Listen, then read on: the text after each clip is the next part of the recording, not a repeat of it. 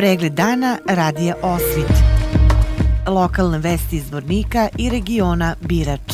Pratite pregled dana radija Osvit za 19. decembar. U Alumini sutra sastanak uprave i sindikalaca. Na Facebook stranici kompanije Alumina postavljeno je obaveštenje da je za sutra zakazan sastanak uprave kompanije Alumina sa predstavnicima sindikalnog odbora Sindikalne organizacije metalske industrije i rudarstva, čiji je predsjednik Aleksandar Sejmenović. Na dnevnom redu je aktuelna situacija u fabrici i razmatranje zahteva radnika. Navedeno je da je početak sastanka zakazan za 9 časova.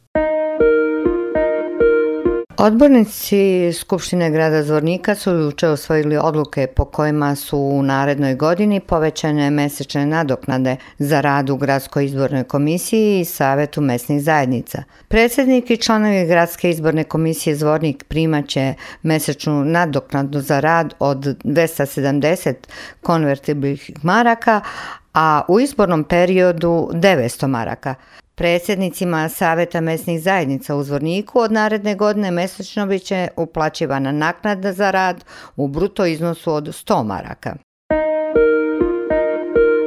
U ime odbornika i gradskog odbora Srpske demokratske stranke Zvornika Bojan Lukić je iskazujući negodovanje načinom prošlonedeljnog hapšenja boraca Vojske Republike Srpske u Zvorniku, najavio je da će oni tražiti smenu načelnika u udaljenju za boračko-invalidsku zaštitu Gradske uprave Željka Smiljanića i pozvao na protestno okupljanje za petak. Prije svega želim da vam se zahvalim što ste došli na konferenciju uh, Srpske demokratske stranke uh, i da kažem da će današnja konferencija imati, odnosno da će se sastojati iz dva dijela. Prvi dio je, kao što vi sve znate, E, nova spektakularna hapšenja pripadnika Vojske Republike Srpske, a drugi dio je e, na današnjoj sjednici odbornici Srpske demokratske stranke će podnijeti inicijativu za smjenu e, predsjednika, odnosno načelnika boračke organizacije u gradu Zvorniku.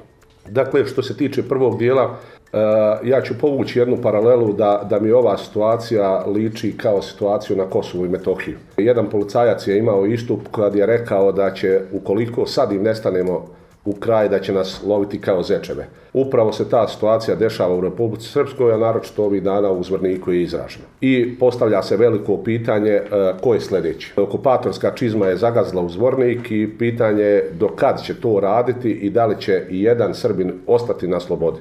Povuću još jednu paralelu, u ratu su nas za velike praznike napadali, u miru nas za velike praznike hapse. Moje lično onako kao čovjeka i kao dijete poginulog borca, smatram ti ljudi su za mene heroji. Svi pripadnici Vojske Republike Srpske kao i policajci za mene su heroji.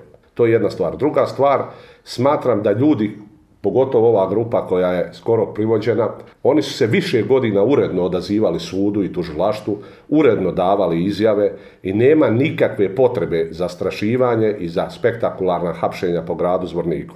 To mogu da rade i pripadnici našeg ministarstva u smislu da se pojavi inspektor da uzmu izjave od naših ljudi. Ovaj put zaista osjećam jednu vrstu gorčine zbog nemara i nerada prvenstveno naše boračke organizacije, naših institucija. Mi smo skoro imali situaciju gdje predsjednik Republike Srpske rekao da SIPA nema šta da traži na teritoriji Republike Srpske. Skoro je naš predsjednik davao izjavu u sudu i tužilaštvu Bosne i Hercegovine gdje se pojavio i predsjednik boračke organizacije Republike Srpske i rekao da će Milorad Dodik imati svu pravnu i financijsku pomoć od institucija. Ja se pitam ovaj put da li će naši borci imati svu pravnu i financijsku pomoć od institucija Republike Srpske, jer su oni stvaralci ove Republike i da nije njih bilo, ne bi ni nas danas bilo ovakvih kakvi jesmo. Ja znam da se i u borcima i u djeci poginuli boraca, ratnih vojni, invalida i generalno u svim udruženjima protekli iz odbramene rata do sad napunilo puno gorčine da su ljudi izgubili povjerenje u sve te institucije. A kako i ne bi, ja također smatram da je boračka organizacija postala filter lokalne vlasti i da služi samo za ispunjavanje nekih njihovih uslova. Izgubili su kompas za šta postoji, šta je njihova svrha. Na današnjoj konferenciji pozvaću sve predstavnike političkih partija, sve nevladne organizacije, sve mlade ljude,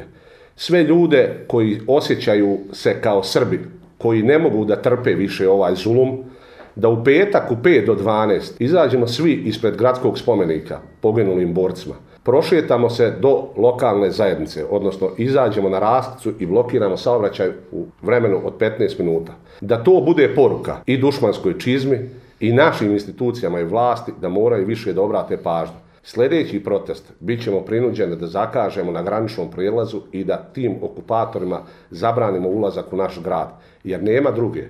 Postavlja se pitanje ko je sljedeći. Ako sad dozvolimo, kao što je rekao policajac na Kosovo i Metohiju, lovit će nas kao zečeve i tome neće biti kraja. Dodatnu su na ranu nam ovih dana i nož u grudi i onako bolne zabijaju lokalni bošnjački lider. Izjava Nedima Čivića za televiziju N1 u kojoj kaže da je godinama sjedio sa zločincima i da je pravda spora, ali dostižna, ja bih ga samo pitao dok je sjedio sa tim navodno zločincima za mene i herojima, da li mu je smetalo da prima visoku platu iz gradske uprave kao savjetnik? Da li mu je smetalo dok je sjedio navodno sa tim zločincima da koristi sve benefite ovog društva, da vodi, vozi službeno auto i ostalo? I da li naše vlasti u Zvorniku osjećaju ikakvu odgovornost za to, jer ste svjedoci da pojedini portali, kao što je Zvornički ba i pojedini poslanici iz SDA i, i, i odbornici, također i naše komšije sugrađani na portalima, ovih dana siju strahovitu mržnju i optužuju ljude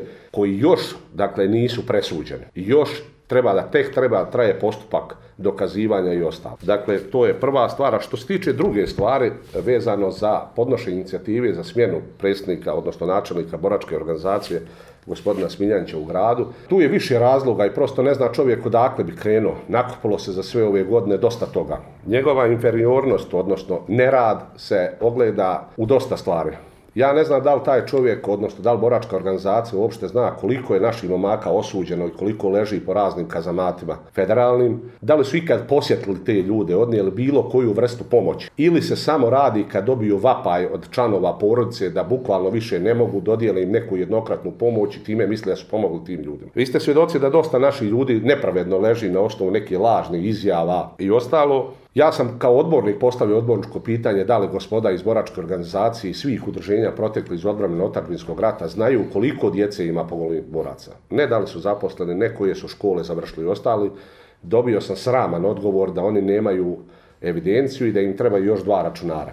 Također ću uh, posjetiti uh, na jedan protest ispred Alumine kad su građani iz odlučili da protestuju protiv nelegalne kupovine alumine, da je tad boračka organizacija i ostala udruženja pisali pismo da li mi znamo što protestujemo koliko djece poginulih boraca i ratnih vojnih invalida radi u aluminiju. Ja bih im sad postavio pitanje, postavit ću na današnjoj sjednici, da li ti nesretnici znaju koliko je djece poginulih boraca i ratnih vojnih invalida ovih dana dobilo otkaz u aluminiju. I da li su oni dali jednu izjavu, odnosno da li smiju se uopšte oglasiti. Kao što se ne smiju zato oglasiti od svojih koalicijnih partnera iz SDA se ne smiju oglasiti ni povodom najnovijih hapšenja za naše borce. Postavit ću dakle pitanje da li je iko iz boračke organizacije prijesedništa obišao porodice ljudi koji su uhapšeni, odvedeni u ponoć. Da stvar bude gora, nema apsolutno nikakve reakcije. I to je ono što im srpski narod neće oprostiti u budućnosti. Ni za vrijeme Turaka, ni u dva uh, svjetska rata od strane Njemaca, ni svi okupatori nam nisu radili jednu stvar što je radila ova vlast. A to je da je u srpskom narodu ubila svaki osjećaj za bilo kakav otpor i bilo kakvu reakciju. Vi ste ljudi svjedoci da šta god se desi u današnje vrijeme, ljudi ćute. Zato što su izgubili povjerenje u lažne patriote, zato što su izgubili povjerenje u 30 godina zaklinjanja u neke vrijednosti, a suprotno rade. Naši borci su po raznim građevinama, po raznim zemljama da bi svojim porodcama obezredili egzistenciju, dezerteri su na vlasti, kupe pare i ne zanimaju je tih ljudi. Zbog svega toga i još mnogo toga, što ću danas reći na Skupštinu, mi ćemo podnijeti svakako inicijativu za smjenu načelnika boračke organizacije u gradu Zvorniku. Za 26. novogodišnji turnir u malom futbalu Bratunac 2023. prijavila se 13 ekipa, a turnir počinje sutra u sportskoj dvorani u Bratuncu od 16 časova i 40 minuta. Nagradni fond turnira iznosi 10.000 maraka, a organizator takmičenja je opština Bratunac, dok je generalni sponsor turnira Maxbet kladionica. U Loznici snega nema, ali klizališta ima. Na delu parkinga iza Vukovog doma kulture počelo je da radi klizališta, a sutra će biti priređeno svečano otvaranje. Kako je najavljeno iz turističke organizacije grada Loznice, na otvaranju klizališta biće priređen ledeni show. Klizaće se Miki i Minnie Mouse, kao i dance eh, DJ žurka. Otvaranje klizališta zakazano je za 6 sati uveče. Bio je to pregled dana Radija Osvit za 19. decembar. Pregled dana Radija Osvit. Lokalne vesti iz Vornika i regiona Birač.